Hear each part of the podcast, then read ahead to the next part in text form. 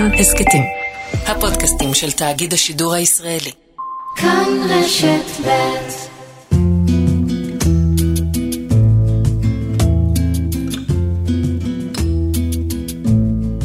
קודם כל, חלק ניכר מהספר נכתב כשאני הייתי מתחבט ומתלבט, אני מניח שזה פשוט הגיע משם. לא כל השאלות הן שאלות אמוניות, גם אם הצורה שבה זה מתפרץ היא כאילו שאלה אמונית, אבל בסוף זו לא שאלה אמונית. אפילו סיפור שמתחיל כסיפור על שמירת נגיעה, שזה כאילו לכאורה שאלה אמונית, האם, לא יודע מה, לעבור על איסור או לא לעבור על האיסור, הופך להיות עיסוק בשאלות של גוף ושל מערכת יחסים.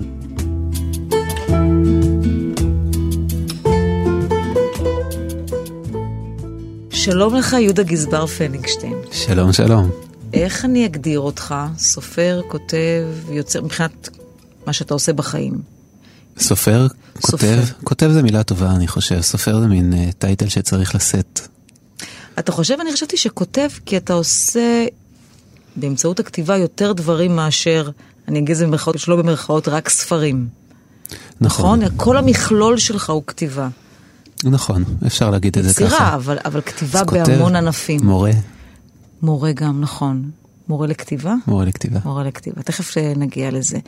אה, אני חושבת שבמקרה שלך מאוד שווה לשמוע את הרקע שממנו אה, הגעת ואיפה צמחת ואת האווירה שסביבך והחברה שבה אתה עדיין, כן, נמצא ו- וכותב ו- ויוצר. אז, אז רק נאמר לטובת המאזינות וה- והמאזינים שלנו, שאתה אחד מתוך שמונה ילדים. האמת, תל חי להורים שלך, אני מאוד מעריצה את היכולת לגדל שמונה ילדים. אז ספר לי על עצמך כילד. אני גם מעריץ את ההורים שלי על זה. בכלל, אבל היינו ילדים מאוד קוראי ספרים. כאילו היה לאימא שלי שורה של אה, ילדים יושבים על הספה, עכשיו כל אחד עם מעריצה אותה הספר, עוד טיפה. עם הספר שלה מהספרייה, עם, ועם הספר שלו מהספרייה, ופשוט קראנו. אה, יותר קל ככה, אני חושב.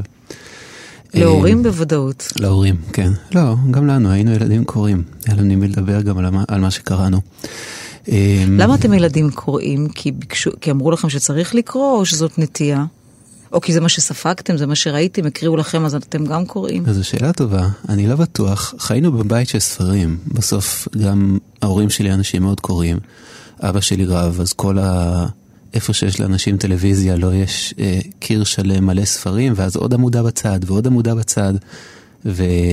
ועוד עמודה בחדר. יש בית מלא ספרים, ואמא שלי הייתה הולכת לספרייה ומחליפה את הספרים שהיא אהבה, ומביאה לנו שנאהב גם. אה, ואהבנו. אהבה כילדה? אהבה כילדה. כלומר, לא מביאה לכם ספרים של מבוגרים ואומרת תנסו. כלומר, מה שהיא אהבה כילדה, היא ניסתה... מה שהיא אהבה כילדה הלכה, החליפה את בילבי, הביאה לנו, אמרה, אהבתי את זה, תקראו גם, ואהבנו גם, כולכם. כולנו. מי יותר מי פחות, כל אחד אוהב דברים אחרים, את יודעת. אין. טלוויזיה בבית? הייתה באה והלכה כזה. עם, עם שעות פתיחה וסגירה מוגדרות? לא, הייתה בחדר של ה...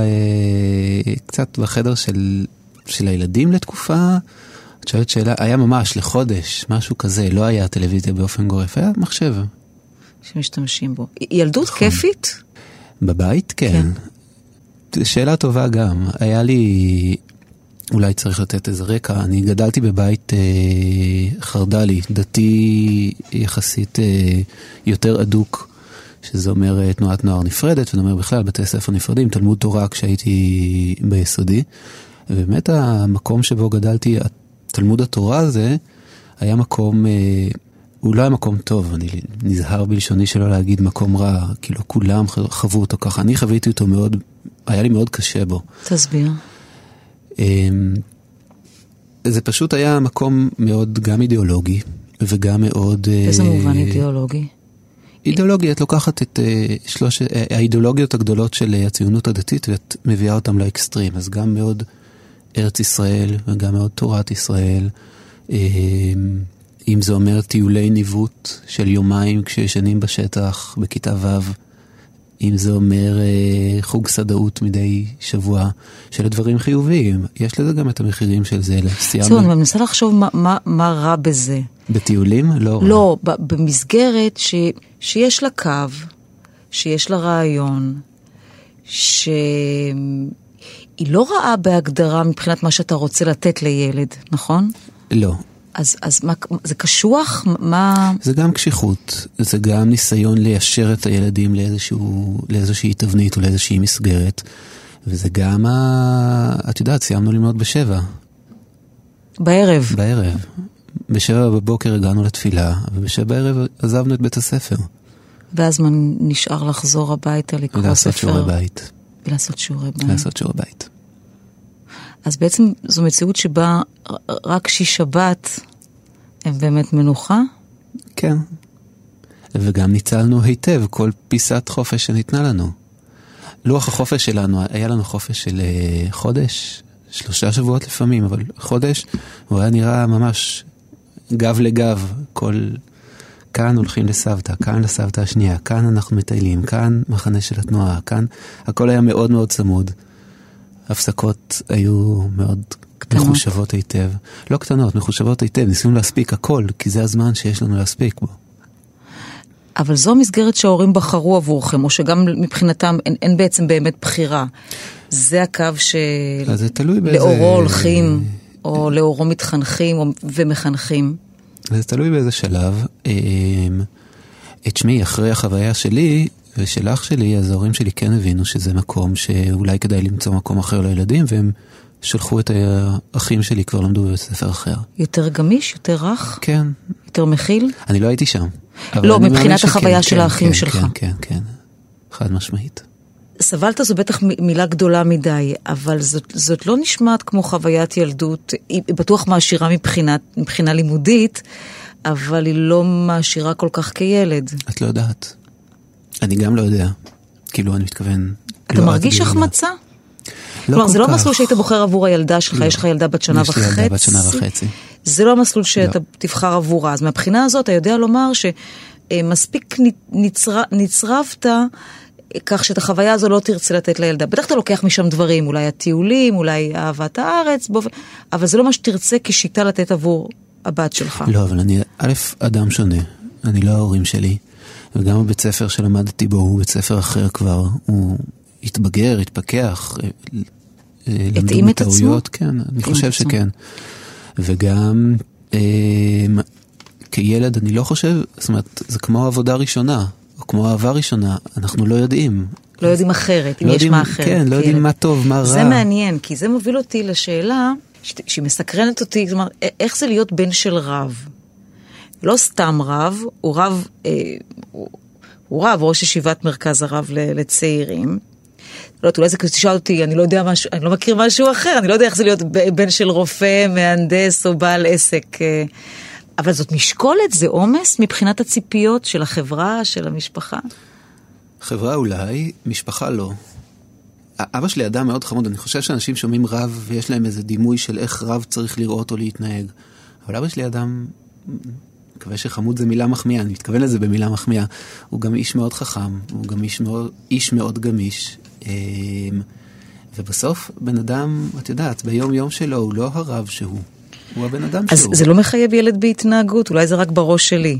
אולי זה- אם אתה או- בן של רב, מצופה ממך. אולי זה בראש של הילד, או אולי זה בראש... בראש שלך של... כן? בהתחלה אז. כן, אחר כך לא. היה רגע שבו אמרתי לאבא שלי, אני לא בטוח שאני הולך להיות רב בחיים האלה. ציפיתי לאיזה אה, שבר, והוא אמר, בסדר, אתה לא צריך, כאילו, תהיה מה שאתה רוצה להיות. היה מצופה ממך להיות לפני שאמרת את זה? לא. ו... אז, אז למה ציפית שיהיה שבר אם לא היה מצופה? כי החברה מאוד מצפה. הנה, את אומרת, הוא רב. אבל אני באה אז- מעולם של סטיגמות של, של חילונית, אז אולי אני, אני טועה בכל גם השאלות. לדתיים יש את הסטיגמות האלה. וגם לחברה, בסוף לכולם יש את הסטיגמות האלה.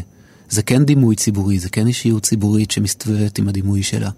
וגם כילד, אני, אני לומד להפנים איזה שהם תפיסות חברתיות לגבי מי אבא שלי, ומבין שבסוף, עם ההתבגרות, אני מבין שהוא לא כזה. באיזה גיל אמרת לו? כיתה ה'? או, מוקדם. פחדת להגיד? לא כל כך. מישהו מהאחים שלך כן הלך במסלול של אף אחד. אף אחד. במסלול שלו הלך להיות רב. האחים שלי צעירים. לא, אבל יש מישהו ש... אמרת בכיתה ה', אמרתי, לא, זה יש מישהו שאומר, אני בכיתה אומר לך, אני רוצה להיות רב. לא חושב. לא. כי יש מקצועות יותר מגניבים מרב? כי אנחנו בני אדם אינדיבידואלים, ואני חושב שגם אנחנו לאט לאט לומדים להכיר שיש עוד מציאויות בעולם. גם במגזר. גם במגזר. ממתי אתה כותב? קורא אני יודעת, אבל עכשיו ממתי אתה כותב? דיברנו על זה? כן. אני לא זוכר. אני אה, מניחה שמכיתה... קורא? כן. לא, מגיל שלוש. בגיל שלוש? מגיל שלוש. אז לא דיברנו על לא זה. דיברנו על זה. כי לימדו אותך לקרוא לבד, למדת. כי אחותי בדיוק למדה ופשוט הקשבתי לה. או שהיא התעקשה ללמד אותי. אני, אני לא זוכר את זה. אני כן זוכר את עצמי מקריא אה, ספרים לילדים בגן. גיל שלוש. אז מה, אתה סוג של ילד גאון כזה? לא. אז נחשבת? או גם שזה... לא. גם לא. ולא הייתה הכוונה הורית ותקרא בגיל שלוש, או בארבע, או בחמש. לא. בטבעי. לא. אז זאת משיכה. אני חושב שכן, גם שוב, קשה לדעת, את יודעת, יש איזה סט ציפיות מהחברה, אם ילד מספר סיפורים, מצפים שהוא ימשיך ויעשה את מה שהוא עושה. אם ילד קורא, אנחנו מצפים שהוא ימשיך ויקרא, הוא לא יכול לקום, הוא יכול, רוב הילדים לא עושים את זה, הם לא ישליכו את המיוחדות שלהם מאחורי גבם ויגידו, אה לא, אני קורא, אבל אני רוצה לעשות משהו אחר. אבל מה, הבנת שאתה מיוחד בזה? זה מה שאתה אומר? אני לא הייתי מיוחד, לא הייתי היחיד שקרא בגן שלי.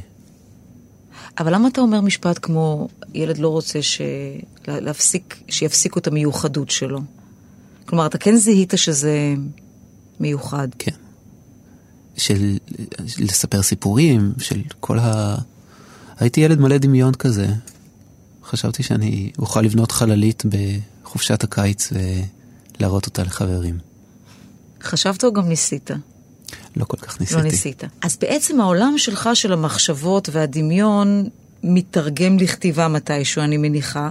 די מהר, בשיעור חיבור של כיתה ג'. ומה אתה כותב אז?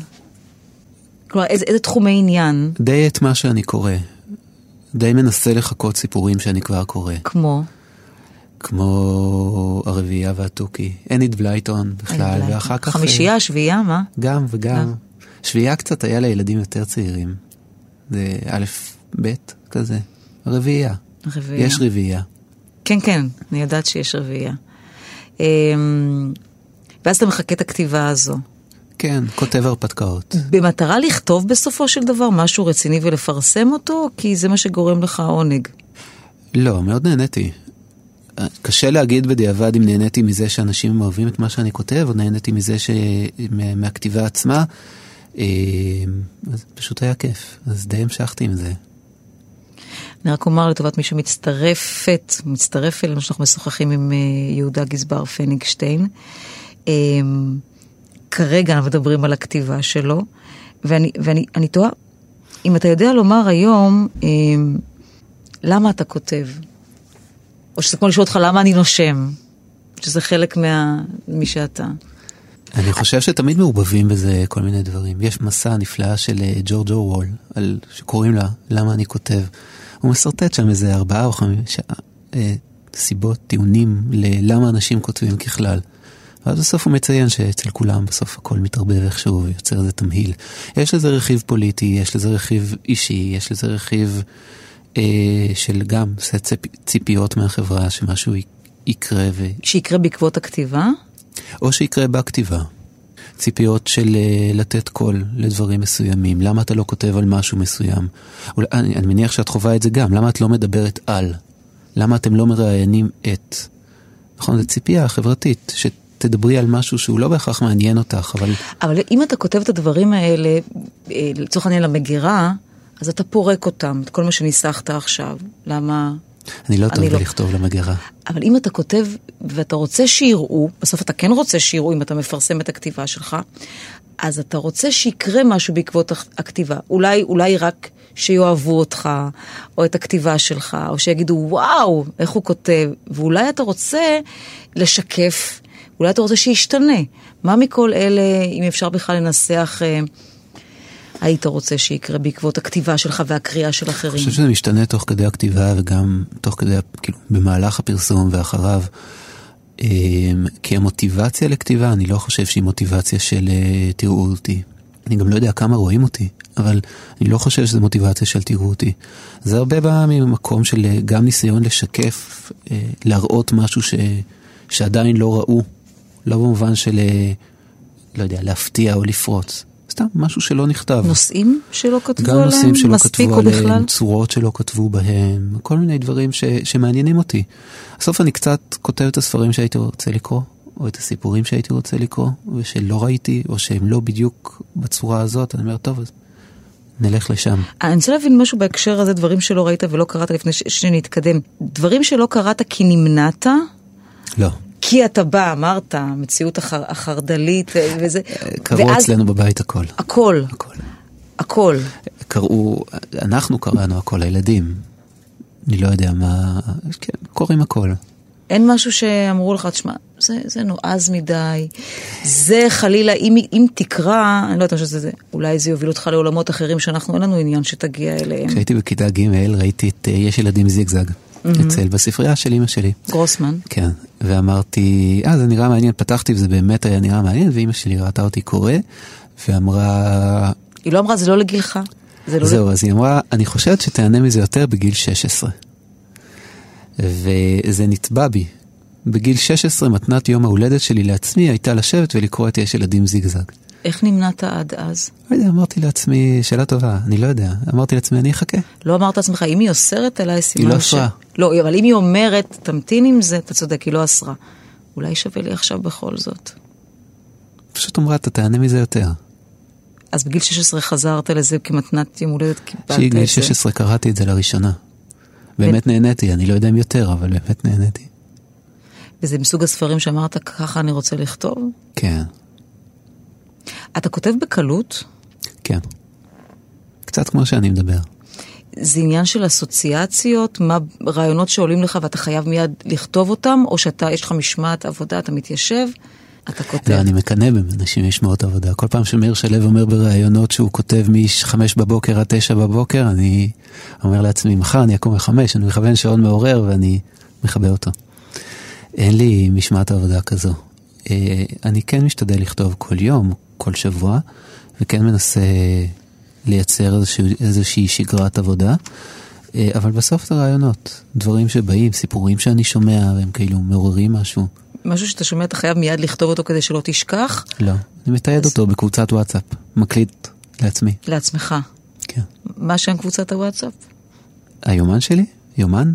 אני לא יודע, משהו כזה. כלומר, יש לך רעיון, אתה כותב לעצמך את הרעיון, אתה מסמס לעצמך את, ה, את הרעיון, ואז מפתח אותו בכתיבה, או כבר כותב את כולו? ואז מפתח אותו לכתיבה.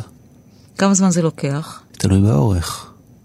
אני עכשיו נאבק ברומן, רומן שלקח לי, אני עובד עליו כבר שנה.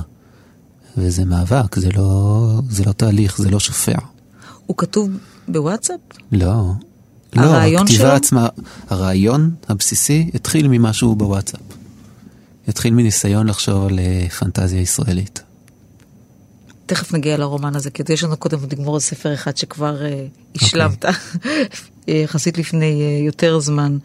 ואז אתה יושב וכותב, אתה מתחבט, אתה משנה, מה שכותב זה מה שיוצא, אתה עורך את עצמך, אתה נותן לאחרים אני חושב שזה לקרוא. מאוד תלוי למה. אה, חלק ניכר מהסיפורים מתחילים כסיפור פייסבוקי, או בבלוג. הכריכה האחורית. כן. שזה מטבע הדברים, את יודעת, אם הייתי יושב לנסח היטב כל דבר שמתפרסם בפייסבוק, אז לא הייתי מפרסם לעולם. אז אני מפרסם משהו... אבל פייסבוק זה מקום שאנשים רואים, לא אכפת לך ש- ש- שלא- זה שזה לא יהיה. מושקע. זה נורא כיף, זה דיאלוג, אני כל הזמן חושב על זה, זה, זה אולי החלום הגדול של כל הסופרים, כל ההיסטוריה. תחשבי איזה כיף זה שאת יושבת וכותבת, והקוראים קוראים את זה מיד. גולמי? זה עובר איזושהי עריכה על ידי אף פעם עצמי. לא כתב, לא קרה לך ש- ששחררת, אני אומרת, שוב במרכאות או שלא במרכאות, ואז אמרת, איזה טיפש אני, מה עלה נו בדעת? בטח, ואז אני מוחק. ואז אתה מוחק. כן, אבל, אבל יש אתה- לי איזון כל הזמן, אני מנהל תקשורת עם אנשים, אני מדבר איתם, הם קוראים, הם מגיבים, אומרים אולי הייתי רוצה שיקרה ככה, אני אומר, אה, זה רעיון טוב, אולי זה... אני, אני לא לבד בכל התהליך הזה. אז למה אתה מחזיר דברים שכתבת? כי מישהו אמר לך עליהם משהו, שמע, כי מישהו אתה כן? את עיניי. תן דוגמה. כתבתי פעם סיפור אה, על... אני צריך לברור את הדוגמה הזאת. סיפור אלים, אוקיי? סיפור שיש בו אלימות.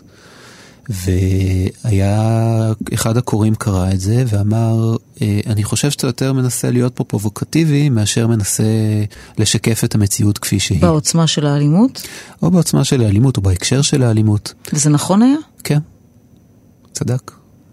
אמרתי לעצמי, אתה צודק. אמרתי גם לא, אתה צודק. ומחקתי. את הסיפור כולו או ששינית? מחקתי. מחקתי, העברתי לטיוטה. למה מלכתחילה אתה רוצה, אם אתה כותב סיפור, אני מניחה שבו אתה, מר... לא יודעת אם אתה מזהה את זה מראש, אבל, אבל פרובוקציה הוא פרובוקציה. אתה אומר, תראו אותי. אתה לא, לא, לא, תראו אותי, נכון? בב- זה מה שרצית? בפרובוקציה, בטח. או לא רק תראו, בואו נטיל פצצה, בואו נזעזע, בואו נשנה, בואו נעשה משהו. ו... כי מה, כי זו דרכך למצוא, לחפש וגם למצוא תשומת לב ככותב? אני חושב שכן. אה, או לאו דווקא ככותב. כי קשה להתבלט? הרבה יותר קל להגיע הביתה. אבל אם אני באה, סליחה שאני קוטעת אותך, אבל אם אני, אני כבר קוטעת אותך, אם אני באה בעקבות פרובוקציה, אני לא באה בעקבות כתיבה טובה, אז, אז אני אומרת, הוא פרובוקטור, אני לא אחזור. יכול להיות, אבל את צריכה גם שמישהו ימשוך את תשומת הלב שלך כדי שתקראי בכלל משהו.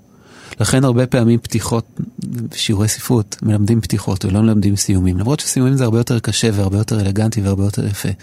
אבל בפתיחה מישהו צועק עלייך. פוסטר מתחיל, הפעם הראשונה שהלכתי על מים הייתה בגיל 12. בום, זהו, אני, אני שלך, קח אותי. וצריך איזה משהו שימשוך את תשומת הלב של הקוראים בפתיחה. והרבה פעמים אנחנו, הגבול הדק הזה שבין אני רוצה למשוך את תשומת הלב כדי שתקרא את מה שיש לי להגיד, ובין מה שיש לי להגיד זה שתפנה אליי תשומת לב, מתערער. וזה גם המחשבה אולי שקשה יותר היום לבלוט בלי פרובוקציה, גם בתחום רציני. מתי היה קל? לא, לא יודעת, אולי פעם היו, אני יודעת, יותר מקום ליותר קולות חדשים ורעננים בכתיבה, והיום אולי... אה, אני לא חושב. כי אם אדם מתרגל לעמוס עוז, אז אלא אם כן יש דרמה אחרת סביב עמוס עוז, אחרי אבל מותו מארצות קשה. התן זה לא פרובוקציה? זה בן קיבוץ שקם מתוך הקיבוץ וצועק על חברי הקיבוץ שהם, זה מי שהם, תראו את עצמכם. אז אתה אומר, אם הוא גם אני. כולם ככה. מה, החיוך הגדי של גרוסמן. לא, זה לא פרובוקציה, זה מה שניסיתי להגיד, זה לא... שזה מתחיל, ש- זה כדי לא מנסה- להביא אותם, אתה אומר, אני צריך פרובוקציה, אבל הם יישארו רק עם הספר טוב. גם, וגם עיסוק בנושאי קיצון. הוא לא פרובוקטיבי, אבל הוא כן מושך תשומת לב, והוא גם מאפשר, אני חושב, להגיד דברים יותר כנים. זאת אומרת, אם את עוסקת בדברים שהם פחות דרמטיים, אולי את מצליחה להביא איזה אמת כלשהי. קול ייחודי, פחות- אבל לא בהכרח... אה, ראוי לסיפור, כן. מה שמוביל אותנו לספר שלך, שהוא, שהוא ספר מצוין, אני כבר אומרת, תודה. כי באמת קראתי אותו לפני כמה חודשים אה, טובים, אה, לפני הקורונה. היה זמן כן, כזה. כן, אה, ופלים לימון. איך, בטח עכשיו יש כאלה שאומרים, אני מעדיף ופלים שוקולד, אבל ופלים לימון. אה, ובספר הזה יש המון המון, סיפורים טובים.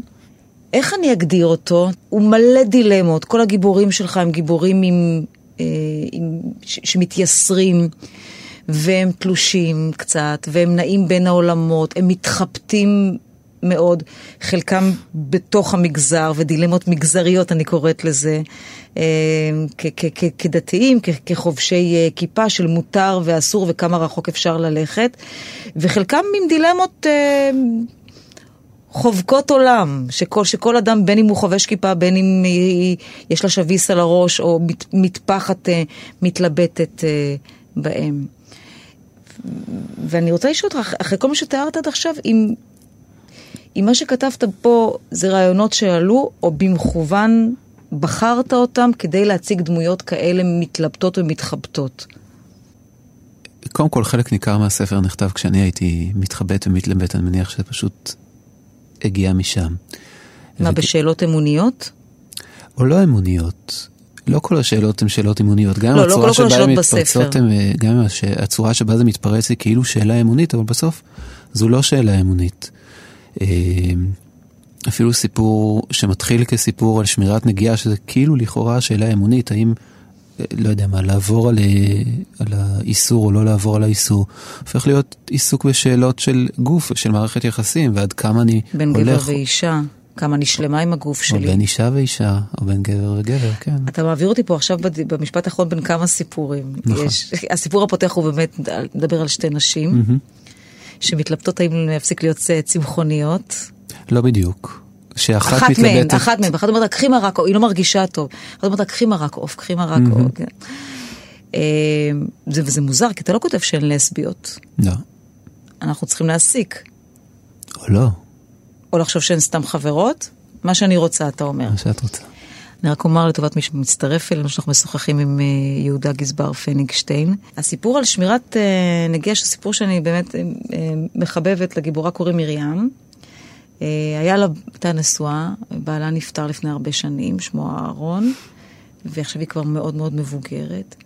והיא מתחבטת, יש מחזר אה, חדש, לא צעיר, אבל חדש, בפתח והיא מתחבטת. אני רוצה לקרוא אה, קטע אה, אה, מה, מהסיפור. אה, כמובן, אני מאוד מאוד מאוד מאוד מקצרת, סיפור יחסית אה, ארוך. לפני 20 שנה לא הייתה חושבת על זה, מיד הייתה אומרת לא. ומה פתאום, ואימא שלי לא הייתה מדברת בכלל עם גברים אחרים, אבל היא לא הייתה אימא שלה. היה בה משהו משוחרר יותר מהאנשים שנולדו בפולין, שהגיעו לארץ חדשה, שניסו להקים בתי קפה ולגדל פרחים בשמש של הלבנט. וזה גם לא היה לפני 20 שנה. היא ידעה שזו התחנה האחרונה, שאנשים מגיעים לבית אבות יודעים שמשם יוצאים רק באלונקה, רק מכוסים, שזו התחנה הסופית, ומכאן אין לאן להתקדם. היא תהתה אם זה שיקול לטובת או לרעת החיבוק, אם לחוות חיבוק אחרון, פעם אחרונה, גם אם זה לא אה, מאהרון, או שמא יש לה, גברת שיפמן, רגע לפני הסוף, שהיא הולכת נגד כל הכללים והחוקים שסבבו אותה כל חייה. מה אלוהים יחשוב? מעולם לא עשתה אה, עבירה, לא במזיד, לא במודעות. האם תעשה את זה עכשיו? היא הרגישה את הלב שלה מתרגש. האם הוא מתרגש מהחיבוק או מטעם החטא? האם זו שבירת המסגרת שעושה את זה, או שיש כאן משהו אמיתי ששווה לחטוא בשבילו? האם בכלל יש טעם לכל האיסורים האלה כשהיא, איך לומר, אישה מבוגרת, בגיל הבלוט, והוא אדם מבוגר וכנראה גם הוא שם? האם מגע שאין בו תשוקה הוא עדיין אסור? ומה אהרון היה אומר על זה? ואני תוהה אם כשאתה כותב את זה, אתה אומר, יש המון שמתחבטים בזה, ואני רק הקול שלהם לבטא את זה, לא משנה באיזה גיל, האם... ש... כי שמירת נגיעה היא אישו. ואני מבטא את קולם של אלה ש... שמעיזים לחשוב על זה, וגם מעיזים לשבור את הטאבו הזה. או לא מעיזים לשבור את הטאבו הזה. או לא מעיזים בסוף לשבור, אבל בטח מתחבטים. אני חושב שזו דוגמה טובה לזה ששמירת נגיעה היא רק סעיף בתוך סיפור גדול יותר, שבו אנחנו שואלים את עצמנו מה היחס שלפי, שלנו כלפי הגוף שלנו, מה היחס שלנו כלפי מערכת יחסים. אה, אחת הסיבות שהיא מתלבטת זה לא בגלל שאלוהים אוסר או לא אוסר, אלא בגלל שבאמת החיבוק האחרון שהיא קיבלה היה ממי שהיה בן הזוג שלה במשך הרבה מאוד שנים. והיא הקימה איתו משפחה, וזה כל החיים שלה. אין לה באמת חברות, אין לה באמת... היא המשפחה שלה. ופתאום זה ללכת עם מישהו שהוא לא חלק מהמשפחה, וזה לא יהיה להרבה זמן. ולא בטוח שהיא נמשכת אליו, מה בכלל קורה שם במשיכה המינית שלה. וכל הדברים האלה מוצאים לעצמם איזושהי תירוץ, אולי היא נאחזת בשמירת הנגיעה כמין תירוץ, להגיד, אני לא אעשה את זה, כי אסור. וזה חלק מהשאלות שהיא שואלת את עצמה.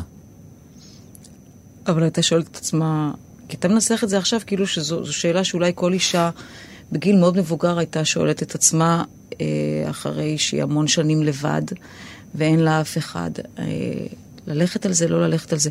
אבל יש פה רובד נוסף, לא? אני תוהה לחשוב שיש פה רובד נוסף. לא, ברור שיש יש, רובד נוסף. יש פה, יש פה איסור, על פניו, והוא משקולת נוספת. יש פה מערכת יחסים נוספת, אז זה מערכת היחסים שלה עם אלוהים, ברור.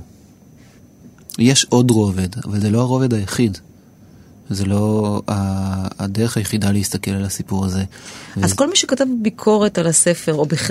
והרוב כתבו ביקורות מאוד טובות, אבל הם כתבו אותן והתייחסו אליך כאל מי שפותח צוהר אל אה, עולם אה, שהם, שהם לא מכירים, אה, עולם דתי עם התחבטויות וליברלי יותר, ויש פה חיילים שמעשנים ג'וינטים, ויש פה... שהם לא דתיים, אגב. שהם לא דתיים, כן, אבל, אבל בחור דתי כותב אותם, את הסיפורים האלה וזה. אז הבעיה היא בדרך שבה מי שכותב את הביקורת ואני שואלת, מסתכלים על העולמות האלה, או שאתה באמת פותח, פותח כאן צוהר. ושאלות לקבוצה שלמה שלא בטוח שיש מענה לצרכים שלה בימים האלה, ואולי דברים שחשבו שהם רלוונטיים אז לא רלוונטי לגביהם היום. אני חושב שאת הולכת כבר לפתרון, או לסוג של פתרון אפשרי. אבל היה יותר חשוב לי להראות את הבעיה, זאת אומרת, להראות שיש פה, שיש פה משהו שהרבה פעמים כולנו, גם אני, גם כאילו, נוח לנו קצת לדחוף או להדחיק. אה, לאו דווקא, דווקא בהקשרים דתיים. יכול להיות בהקשרים של אה, יחס לזרים פה בארץ. מדבר על השוטרים שעוצרים את אותו אריתראי. כן, או... שבהתחלה הם חומלים עליו, אבל נכון.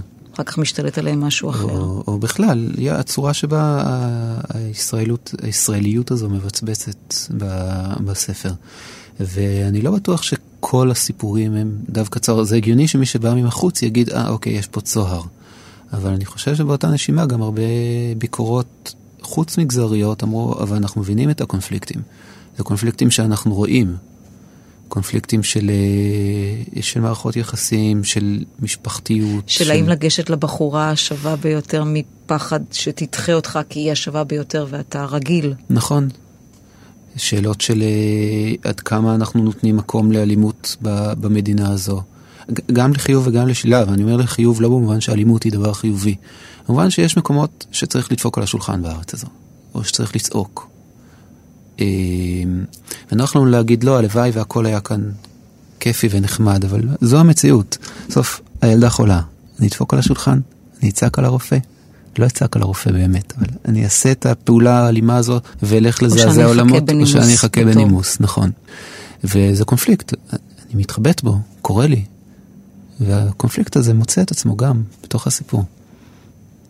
אבל צריך להיות, אה, צריך להיות אמיץ, צריך אומץ להיות אה, בחור דתי ולכתוב לפחות חלק מהסיפורים כאן, לא לכתוב אותם, לפרסם אותם? לא, לא חושב. קודם כל, המגזר הדתי-לאומי הוא קצת... אתה מופתע שמופתעים למה כתבת? לא. בנושאים כאלה? לא. כלומר, אם אתה לא מופתע, אתה מבין שכאילו, בכל זאת כתבת פה משהו שהוא טיפה אחר. אני מבין שמשהו, דברים מסוימים מזעזעים אנשים. לא מזעזע, כאילו, גורמים להם לזוע באי נוחות, או לזוע בכלל מהמקום שבו הם נמצאים. או דברים מסוימים נחשפים, אבל אני לא חושב שמשהו פה חדש. זאת אומרת, על הכל כבר נעשו כתבות, הכל כבר נאמר, הכל כבר דובר. פאנלים נערכו בכנסים אז פשוט מוצא, את יודעת, הספרות תמיד מדשדשת קצת מאחור. אין יותר עיסוק בשאלות כמו אה, רווקות מאוחרת. מניח אה, שיש. אה, נישואים מאוחרים. יש, יש. סמוטריץ' ש... עכשיו העלה את זה על... אה, נכון. במצע שלו. נכון. יש, יש עיסוק. אה, תמיד. למה יש יותר עיסוק? לא יודע אם יש יותר. תמיד יש עיסוק. גם לחילונים, זה פשוט עשר שנים אחרי. אצלכם? אומרת אצלכם לעומת החילונים. עשר שנים אחרי? באיחור? כן. כי מה? התכוונתי להגיד עשר שנים, גם אצל חילונים יש עיסוק ברווקות מאוחרת. אה, היא פשוט באה לא בגיל 25, שזה לא מאוחר, אלא בגיל 35. כשנשים מתחילות להרגיש, או גברים מתחילים להרגיש לחץ חברתי, להתחתן, להביא ילדים, להביא נכדים. ישראל חברה מאוד שמרנית במובן הזה. לכולם יש שלושה ילדים, שני ילדים, וכל הבחירות, כל הלחצים החברתיים סובבים סביב, סביב זה. אז זה קורה, מישהו, ש... מישהי או מישהו שנשארים רווקים בגיל מסוים, יש עליהם לחץ. הם לא יערכו כנסים ופאנלים, כי הציבור החילוני לא עורך כנסים ופאנלים בנושא הזה. אבל אם יש קואוצ'ר שמיועד למציאת זוגיות, בטח. אז בעצם מה שאתה אומר לי, הבעיה בשאלה שלך, שאת מניחה ש, ש, ש, שזה אחרת עכשיו, שיש יותר, ש... ואתה אומר, זה, זה, לא אחרת, השאלות כל הזמן אה, שם, וגם בהיקף שלהן הן כל הזמן אה, שם, אבל אולי מתעסקים בזה עכשיו יותר. מהבחינה הזו, כל השאלות של, אה, אה, והמחשבות של אה, אולי צעירים דתיים הם יותר מבולבלים, יותר תוהים בה' ובעין, אולי יותר תלושים, אולי יותר נעים בין העולמות ובמה שיש לכל עולם אה, להציע. זה לא, זה לא נכון? זה פשוט נכון ב, בפן מסוים. קל לראות את זה, קל להצביע על זה, קל להגיד מישהו שנקרא בין דת ובין חילון, אפשר להראות את התנועה הזו. זה לא תמיד אגב בין דת לבין חילון, אני, חושב, אני תמיד רואה את זה על רצף, על ספקטרום הרבה יותר רחב. שדתיות היא לא, אתה או דתי או לא דתי, אתה יכול להיות מסורתי ואתה יכול להיות דתי. אה, חרד"לי או דתי יותר, אני לא יודעת, ליברלי בהשקפת נכון, עולמך. יש... הספר נע והספר נע על הציר הזה. נכון.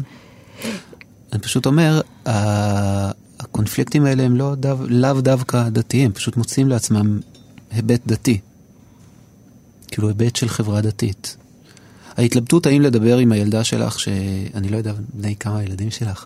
יש תבחר יש גיל. מתבגרת תב- אה, יש אחרי גם תיכון, מתבגרת. אוקיי, אז את- הילדה. מתבגרת אחרי תיכון, גיל 18, מודיעה, אה, אני עוזבת את הבית. הולכת, מוצאת לעצמי דירה בתל אביב וחיה שם. יש איזה צד, תל אביבית אני חושב, נכון? לא, אז, אז זה פחות רלוונטי, אבל אני עוברת לניו יורק. יש איזה צד שבו אני אומר, אני הייתי אומר לעצמי, "אני- אבל לא, רגע, תשארי פה, רגע, איך התבגרת לי ככה? מה את מתחילה לחיות את החיים שלך? אז בספר הזה, זה, בספר שלי, זה יושב על המקום שבו היא דתייה, האימא, היא מתלבטת עם הבת של הדתייה, היא מתלבטת עד כמה לפתוח את זה מולה, היא מתלבטת עד כמה להגיד לה, רגע, לא, תצאי מהבית רק כשאת מתחתנת, אבל הבסיס הזה, ההורי שצריך לשחרר את הילד, הוא שם. נכון, אבל, אבל הוא, הוא בכל זאת אחר. א', אני לא אחר. בטוחה... אני לא בטוחה, אני, אני מניחה שמבחינה, אתה צודק במובן זה שזה תלוי בהורה, שזה תלוי בילד, במסוגלות של ההורה ובמסוגלות של הילד והקשר אה, ביניהם שגם אה, מכריע. אבל אני גם טוענת שהמחשבה, אולי, אולי, אולי אני טועה, אבל המחשבה של מה יגידו, יותר חזקה בצמד הזה של אימא ילדה אה, במגזר, לא? מה יגידו שהיא חיה יכול להיות. לבד ויוצאת, או תלוי איפה נמצאת על, על הקו, יכול להיות. על הספקטרום. יכול להיות, אבל הקונפליקט הוא לא זה. זאת אומרת, הקונפליקט הוא אוניברסלי, הוא אנושי. הניואנס שלו, ההתבטאות שלו, זה באמת ניואנס דתי, עם התבטאות דתית. הצורה שבה הוא מתלבש. זה ברור, כי הוא פרטיקולרי, הוא ספציפי, הוא אדם מסוים, עם כל המטען שהוא מגיע, עם האידיאולוגיה שלו, זה ברור שזה שם. אבל את מקלפת את כל הקליפות, בסוף, גם דתיים הם בני אדם, הם לא רק דתיים. באמת? גם. הפתעה. הפתעה. אני רק אומר לטובת מי שמצטרף אלינו, שאנחנו משוחחים עם אה, יהודה גזבר פניגשטיין. הייתה לך התלבטות לגבי סיפורים, האם להכניס אותם או לא להכניס אותם מהבחינה של אה, אה, גם האם הם טובים מספיק, אבל גם מבחינת מה יגידו? מבחינת הטובים מספיק בוודאי. פשוט הורדתי הרבה. אה, כמה הורדת? עשרה? אני לא זוכר. העורך שלי הוריד יותר נכון. פשוט קרא ואמר, זה לא הסיפור, אסף. אה, איש מקסים, אסף שור. והוא פשוט קרא ואמר, אני חושב שזה לא מספיק טוב. והוא צדק. אז הורדנו כמה וכמה סיפורים. כדי לשפצר אותם ויצאו מתישהו בהמשך, או שפשוט לא זהו? חושב, לא זנחתי יצאו? אותם. ו... והיו סיפורים שהתלבטתי גם על המיקום שלהם בספר, וגם עד כמה אני חושש שהם יקראו או לא יקראו, איך הם יקראו, מה הם יגידו עליי, מה יחשבו. תן הכל. דוגמה לכזה ש... שבסוף לא נכנס כי אמרת, אולי יש יותר מדי ממני בו ומה יגידו עליי. אה, כאלה לא, לא הייתה התלבטות. אז. היו סיפורים שבסוף נכנסו. לא, אבל- והתלבטתי, מה יגידו ומה יחשבו. למה? כי בסוף לאנשים מאוד קל לעשות את התנועה הזאת בין הספר ובין הסופר ובין הכותב ובין ה... אה, שהחיבור ישיר מדי, לזה אתה מתכוון? שפחות יחשבו עליו כבדיה ויותר כמציאות שלך? גם. וגם שפחות פשוט, פשוט פחות יחשבו עליו כבדיה ויותר יחשבו עליו כ, ככתבה עיתונאית, כמשהו שמנסה להראות איך דתיים חיים. אה, כי יש צד שלם שלא מופיע בספר, או שמופיע בצורה מעומעמת. יש צד של, אה, לא יודע, לימוד תורה, של תפילה, זה מופיע בספר, זה נוכח, אבל זה לא, לא סביב זה נסובים חייהם של הגיבורים. ויש כאלה שכן, חייהם נסובים סביב סיפ- לימוד תורה, ואין להם קול בספר הזה. אז כן חששתי מזה שאנשים יגידו, היי, לא כתבת על הכל, או שאנשים יגידו... אה, שאתה מתנער מדי? שאני לא מציג את כל, את, את הציבור כפי שהוא אמור להיות מוצג. למרות שזה לא ספר על הציבור הדתי-לאומי, הוא פשוט נוכח בו, מבחינתי. אז אתה מתחשבן, כאילו, על מה יגידו? אז אני חשבתי הרבה על השאלה מה יגידו, והאם אנשים ייפגעו או לא ייפגעו. הייתה כותבת ששלחה לי אחרי הסיפור הראשון שלחה לי אני צריכה. לשאול אותם לא- לאיזה מגזר היא משתייכת? היה מאוד ברור. היה לי, היא פשוט שלחה לי מייל ואמרה, קניתי את הספר, פתחתי, קראתי את הסיפור הראשון, זה לא סיפורים מהסוג שאני קוראת, אה, אני אשמח להחזיר לך את הספר ולקבל את הכסף חזרה. זו כאפה? קצת. קצת היה, ציפיתי לזה, אבל גם קצת היה כאפה, כן. וגם, כאילו, אני לא אסע עכשיו אה, ללא זוכר איפה. אבל זה... לשרון, ויקח ממנה את הספר ויחזיר לה את הכסף. הנקמה היא שהיא שילמה במיטב כספה וכבר קנתה. בטח הביא את זה מתנה למישהו. אבל תשמע, בעצם זה שאתה מתלבט, אה, אומר שידעת שיגיעו תגובות נכון. כאלה. מה שאולי כותב חילוני, הוא אומר, אה, מה אכפת לי, מה יגידו, לא יגידו, מה זה, אני... אני... אני לא חושב, לכולם יש את ההתלבטויות אבל- האלה כשהם כותבים על דברים ספציפיים, כשהם כותבים על אה, האזורים שבהם הם חיים, כשהם קוראים, לא יודע. אה, אשכול נבו והרעיון האחרון. מה, הוא לא התחבט? בטח שהתחבט. הוא, הוא, הוא, כן, כיוון שהוא התראיין פה בין היתר גם על הריאיון אה, האחרון, הוא אמר, אני ידעתי מיד שכל השאלות וזה, ויגידו לי, זה אתה. וזה, הוא לא התלבט, הוא לא נתן לאנשים לקרוא ואמר להם, אני הולך לפרסם, יכול להיות שיחשבו שזה אתה, תגיד אם זה מפריע. מניח שכן, בעיקר לאשתו. כי זה משמעותי, כי מה יגידו, מה יחשבו עליי? משמעותי, אנחנו בני אדם חברתיים. אכפת לנו. מה אמרה המשפחה על הספר? אה, אני מניחה שהם קראו אותו. הם קראו, הם חיבבו יותר, חיבבו פחות. אה, מה פחות? לא יודע, אז איך אתה יודע שחיבבו פחות? כי שאלתי, אוקיי, מה אבא אמר? שזה ספר נחמד. אז כשאמרת רב חמוד, בתחילת השיחה אמרת, ואני מתכוון לזה כמחמאה, שהוא לא... אני חושב שאמרתי. אדם חמוד. אבל כשהוא אומר הספר נחמד, זו מחמאה? כן. כן, תשמעי, אני לא... הם לא מבקרי ספרות. ולא כל כך, זאת אומרת, הם החמיאו לי על הספר. ואני לא כל כך ציפיתי אה, לשמוע את הביקורות שלהם. אני מניח שהיו, אני לא יודע. סבתא שלי קראה... לא שאלת? אבל מה לא, אתם... ב- יותר מזה, תפרט. ביקש... ביקשתי לפני ש... אמרתי להם, ביקורת אני לא רוצה לשמוע. למה? למה כן? זה יעשה טוב לקשר שלי? לא, למשהו? אבל נגיד לדרג מה אהבת יותר, אל איזה סיפור התחברת, מה היית, מה... חשוב לך מה הם היו מעדיפים שלא תכתוב? חשובה לי דעתם, כי הם ההורים שלי והמשפחה שלי, ואני אוהב אותם ומעריך אותם. אבל בכנות אני לא שאלתי, גם כדי לא להיכנס לסיפורים האלה של מה נוח להם ומה לא נוח להם, וגם כי אני מעריך את דעתם. אולי בסוף לא הייתי מכניס משהו שאני כן רוצה להכניס רק כי הם אומרים לי. אז לא שאלתי. הם החמיאו, אמרו שהספר טוב, סבתא שלי קראה ואמרה שיש פה דברים לחשוב עליהם. מה אני כמו? צריך יותר? זה מה שהיא אמרה. ואותה שאלת דברים לחשוב עליהם כמו מה? אותה שאלתי, אה, היא לא נתנה דוגמאות, היא אמרה שהסיפור בסוף על בית האבות הוא מעניין, וגם הסיפור על, ה... על ליל הסדר הוא מעניין. הנה, הסיפורים הנבחרים. שגם, טוב, אני מניחה שגם אתה אה, מכבד. אבל גם את אשתי לא שאלתי מה הסיפור שהיא הכי אהבה, או מה היא לא אהבה. למה אני צריך להכניס ראש ל... לכאב לב הזה?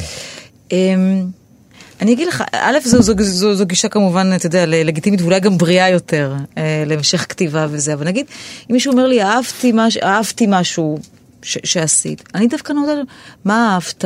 למה התחברת? לא, זה בטח, מחמאות בטח, מחמאות אה, שתיתי. גם לא, אבל מחמאות שתית.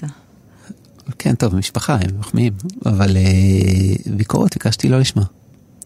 בהתחלה כן, תגיד, שם, כדי שלא תסורס בהמשך הכתיבה שלך, אני מבינה של... כי זה כואב בלב. יש ביקורת שחשוב לי, חשוב לי שקוראים, אנשים שקוראים אותי אה, תקופה, יגידו לי מה הם אהבו והם לא אהבו, זה עוזר לי להתכוונן, ביקורות ספרותיות, זה עוזר לי להבין. אנשים שקראו והם לא מכירים אותי, ואני לא מנהל איתם איזושהי מערכת יחסים, והם אה, שולחים לי מייל או, או אומרים לי, היי, אהבנו את זה ולא אהבנו את זה, בטח, משמעותי, חשוב. אבל אנשים שאני כל הזמן איתם, זה נורא קשה, כאילו... אה, אה, כן, אני, אני גם חושבת, א', ברור שחשוב לשמוע ביקורת, שזה, אני, אני חושבת שזה, שזה מוזר לצפות שאדם שמגיע מתוך חוויה תרבותית, חב, חברתית, אמונית כלשהי, לא יכתוב על הנושאים שהוא מכיר. כלומר, אתה לא אמור לי... אבל אף אחד לא ציפה ממני לא לכתוב על משהו. אוקיי. זה מה שאמרתי. פשוט ביקשתי לא לשמוע את הביקורות. אולי, אולי היו, אולי לא היו. את, את מבינה, אני שרוי ב, ב, בחיקה הבטוח שלי הידיעה. איך אתה מגדיר את עצמך היום? נגיד מבחינת תפיסת עולם ו- ואמונה, מהמקום שבו צמחת והמקום שבו אתה נמצא היום. אני דתי, ליברלי. אני פה עם כיפה, לא רואים, אבל אני פה עם כיפה. אה, היה משבר אמונה מתישהו? כן. טבעי, יש אנשים שלא, שאין להם, ואני חושב שזה קורה להרבה אנשים. אתה יודע להגיד למה ומתי? קודם כל, בכל פקיעת בועה, אני חייתי. בסוף חייתי בבועה תקופה מאוד מאוד ארוכה. אמ, לא כי, כי כיוונו אותי לחיות בבועה, או כי בועה הייתה המקום האידיאלי לחיות בו, פשוט נוצר איזשהו, שוב, אני חושב גם, זו תופעה מאוד מאוד אה, שקורית לכולנו, שבסוף אנחנו הולכים לגן עם אנשים דומים לנו, וגדלים לבית ספר, שוב, אנשים דומים לנו, ואלא אם כן אנחנו, לא יודע מה, עוברים דירה בעקבות אה, עבודה של האימא פעם בחצי שנה, בסוף נחיה רוב החיים שלנו עם אנשים שהם דומים לנו באיזשהו מובן, ואנחנו אפילו לא נדע את זה. יהיה קצת המים שאנחנו שוחים בהם. כמו, כמו חילונים שלא פגשו דתיים מעולם, כי המשפחה שלהם לא דתית, ואנשים שעובדים איתם לא דתיים, ועכשיו, בסדר, ככה, זה טבעו של עולם, ככה אנחנו חיים, בחבורות, חבורות, חבורות. וברגע שפוקעת איזה בועה, אז קורה משהו, ברגע שאנחנו נפגשים, וברגע שאנחנו יוצאים. לי זה קרה ב... במלחמת לבנון השנייה. הייתי בן 17, הלכתי להתנדב בנהריה, ממש הילד עם פאות הייתי, הייתי עם כיפה גדולה ופאות, וילד מאוד דתי מאמין כזה, ומצאתי את עצמי בנהריה, כשכל תושבי החזקים של נהריה, כמעט כל תושבי החזקים של נהריה, עזבו אותה וירדו למרכז. התנדבתי בעמותה בשם לב אחד. הסתובבנו במקלטים של נהריה, מיפינו אותם, בדקנו מה אנשים... איזה תרופות אנשים צריכים ואין להם, אם יש, לא יודע, הורים שחסרים להם טיטולים, כי לא היה כלום, הסופרים היו סגורים, הכל היה סגור. חילקנו אוכל, עבדנו עם פיקוד העורף, לא משנה. בקיצור, הסתובבתי בנהריה ומצאתי את עצמי פעם ראשונה בחיים, עם, עובד עם אנשים, זה, זה לא חילונים, אוקיי? זה לא הפער דתי חילוני. אבל מי שאינם הסביבה הטבעית שממנה באת. גם, וגם המקורית, הסוציו-אקונומית שממנה באתי. וגם ה... כאילו, זה לא בדיוק עדה, אבל שכבות פחות, כאילו, אנשים שלא דוברי עברית נניח, לא יצא לי להיתקל. איך זה גרם לך להוריד את הפאות ואולי לתהיות? גרם לי להוריד את הפאות כי הם קפצו וזה היה מציק. זה די, זה גם לא נראה יפה כל כך. נשמע הגיוני. אבל... אבל היה שלב שבו גם לא הייתה כיפה? לא. היה שלב שבו היו סימני שאלה לגבי האם אני מאמין? כן. בהשם? בטח. עד היום אני לא יודע. לא? איך אפשר לדעת? אני מאמינה. ואת יודעת? אם אני יודעת שמה, שאני מאמינה, אני יודעת שאני מאמינה. אם לא הצלחת להוכיח לי אחרת, כן. אז אני גם שם. אבל השבריר הזה של האולי עדיין קיים. כי הוא שם, הוא תמיד שם, מה אני אעשה? אבל הוא, בעצימות שלו, הוא בא... לא. לא, אני בן אדם שיש לו אלוהים. בגאווה אני אומר את זה. כי היה תקופה שכזה התלבטתי, אבל אני חושב שאלוהים זה דבר חשוב. אפילו כקונספט הוא קונספט חשוב. ההבנה הזאת שאני לא, שאני לא הכל בעולם, שאני לא יכול הכל, שאני לא מסוגל הכל. שרוב הדברים שחשובים לי הם לא בשליטה שלי בכלל. לא הבריאות שלי, לא הפרנסה שלי, לא המשפחה שלי. שכאילו, אני כל הזמן מתפלל, הלוואי שהכל יעבוד טוב ויצליח, כי, כי, כי צריך משהו, כי אני נאחז. אבל אני מאמין. לא, לא תאמין, אבל נגמר לנו הזמן. אני לא מאמין. כן, כן, זה, זה עובר נורא מהר. אני רק רוצה, כדי לסיים את השיחה, אמרת שאתה עובד על רומן. Mm-hmm. כלומר, לא סיפורים קצרים, רומן רחב יריעה. Mm-hmm. אתה רוצה לספר טיפה עליו? כמה, אני אשאל את זה אחרת, כמה מהתמות שבאו לביטוי כאן, בספר, אני אומרת כאן, ופלים לימון, יבואו לידי ביטוי גם ברומן? אז כמעט אף אחת. יש לי רומן אחר עם כמעט 50 אלף מילים שהוא פשוט מונח בצד, כי אני פשוט מפחד להוציא שני ספרים שעוסקים באותם תמות אחת אחרי השנייה. אני לא אמלט מהתווית הזאת כל חיי, היא תעקוב אחריי בתור הסופר שכותב על. אז אני, אני מנסה לי, להתחמק מזה. פשוט יש רומן שאמור לצאת, אמור לצאת, יצא מתישהו. פנטזיה, פנטזיה ישראלית. יכול לספר על מה? יש פה ספרים, סיפורי פנטזיה, את יודעת, זה קצת... לא, לא, את זה אני מכירה, בחדש. לא. לא, מה אני אעשה? יש, אה, מתחילים לדבר, ואז את יודעת מה קורה, אנחנו כאילו מתקבעים למילים שלנו, אז אני אתחיל לספר לך על מה הספ- הספר, ואז לא תהיה לי אפשרות לברוח, מה, להגיד, אה, אני אכתוב על משהו אחר, כי אני כל הזמן אגיד לי, אבל, לעצמי, אבל בריאיון עם גאולה אמרתי, זה הנושא של הספר. אני קצת רוצה את החופש הזה. אה, אבא, אמא יגידו נחמד, הספר? אסף שוב- שור לא. יעביר? לא תהיה להם ברירה. על הסף אני לא יודע, אבל אבא ואמא יגידו, כן, נחמד. אני מקווה. יהודה גזבר פניקס, תודה רבה לך. תודה. תודה אה, רבה שהיית לך. כאן אה, איתנו, ונגיד גם תודה גדולה לעורכת אליה גאנה ולטכנאי ראובן מן, ותודה לכם שהייתם איתנו, שבת שלום. שבת שלום.